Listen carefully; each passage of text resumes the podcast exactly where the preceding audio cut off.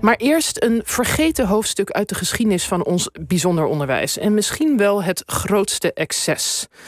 Deutschland erwache und Juda den Tod. Oftewel Duitsland ontwaak en dood aan de Joden. Dat zong in 1934 een schoolkoor van een zogeheten Duitse school in Heerlen.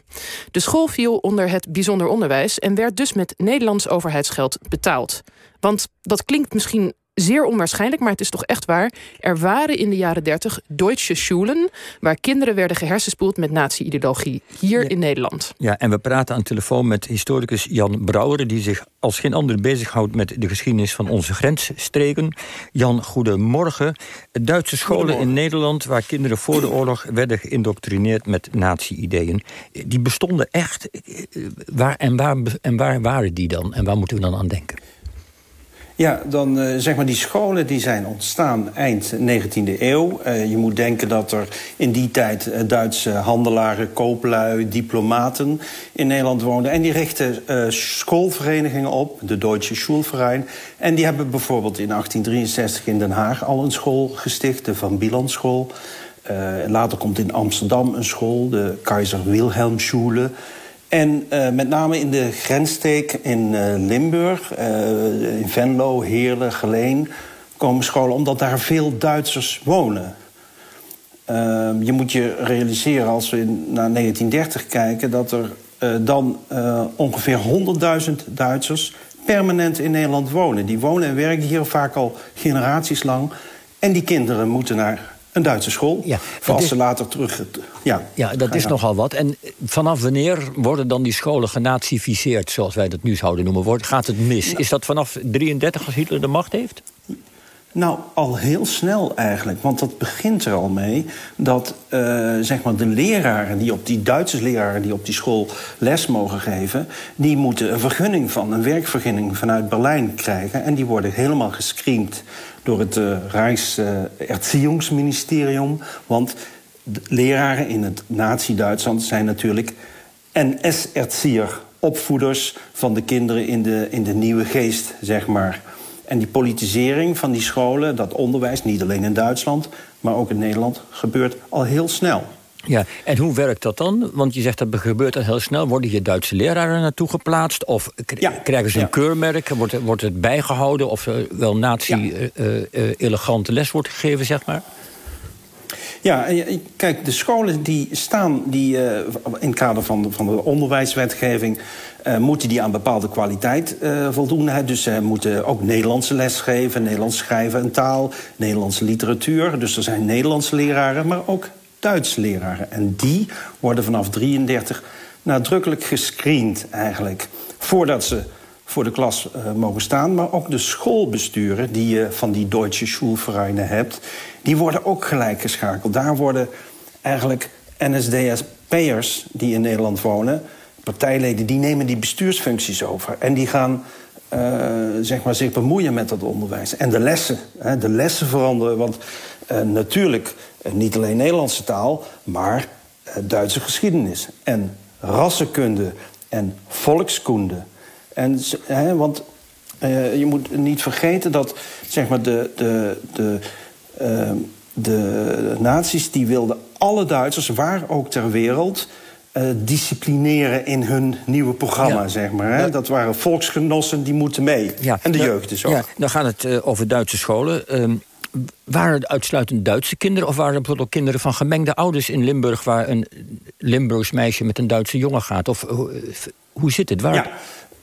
Ja, zeg maar die lagere scholen, daar, eh, daar, eh, dat, dat, dat wordt ook uitgenodigd. Hè. In, in advertenties roepen ze ook Nederlanders, eh, Nederlandse kinderen zijn ook welkom. Dat moeten ze ook van, trouwens van, van Den Haag.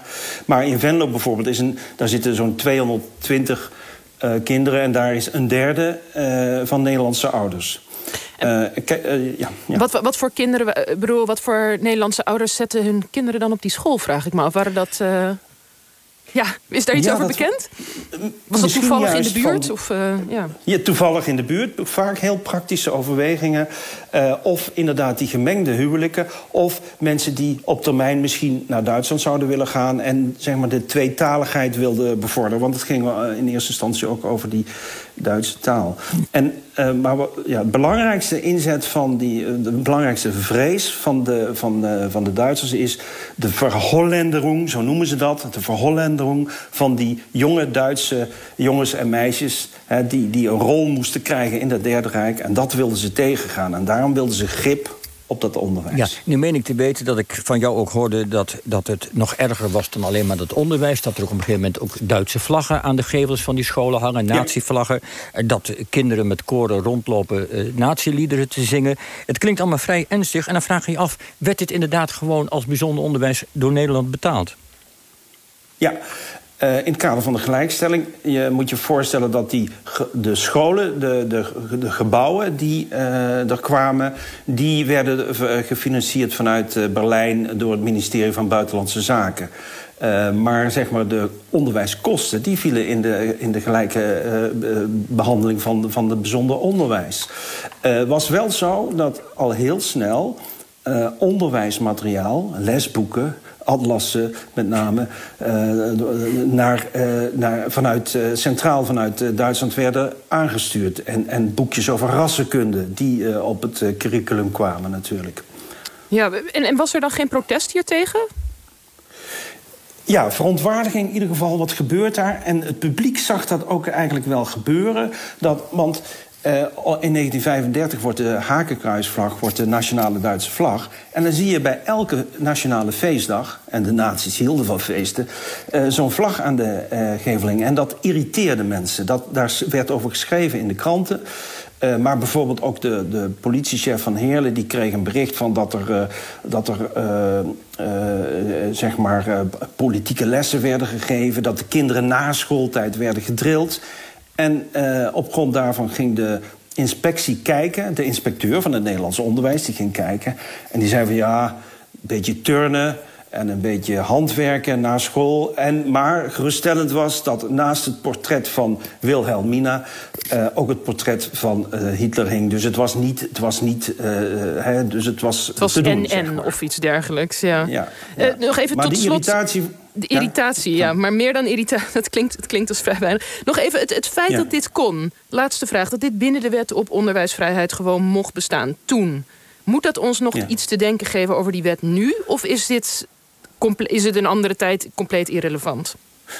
Nou, het gaat er wel om van uh, wat er vanuit het buitenland natuurlijk uh, hier onderwezen wordt. En uh, Willem Drees heeft in de Tweede Kamer ook geprotesteerd. En die zei ook, minister, u moet hier tegen optreden... want dit is geen Nederlands onderwijs, dit is Duits onderwijs. In de atlassen is na, nota bene al het Nederlands grondgebied ingekleurd... als Deutscher Kulturraum. Zo. U moet hier iets aan doen. Ja. En, Ja. en, de- en hij heeft zeg maar, in de onderwijsbegroting het wel op de agenda gezet. Maar de, ja, Den Haag was eh, een, een kleine speler op het eh, Europese veld, neutraal, en wilde de Duitsers niet te veel irriteren. Ja, Want dus het de- was een belangrijke handelspartner, eh, zeg maar, eh, die konden we nu niet missen in de crisistijd. Ja. Dus dit voorbeeld leert vooral dat je als Nederlandse overheid ook op moet letten als je buitenlandse scholen financiert, dat je ook oplet wat wordt daar geleerd over. En zeker als die landen van herkomst niet eh, zeg maar helemaal kloppen met hoe wij denken over democratie en mensenrechten. Ja, Zullen we daarbij en laten? het is niet alleen... Ja. Ja, prima. Fijn. Hey, dank Goed voor je toelichting. Oké, graag gedaan.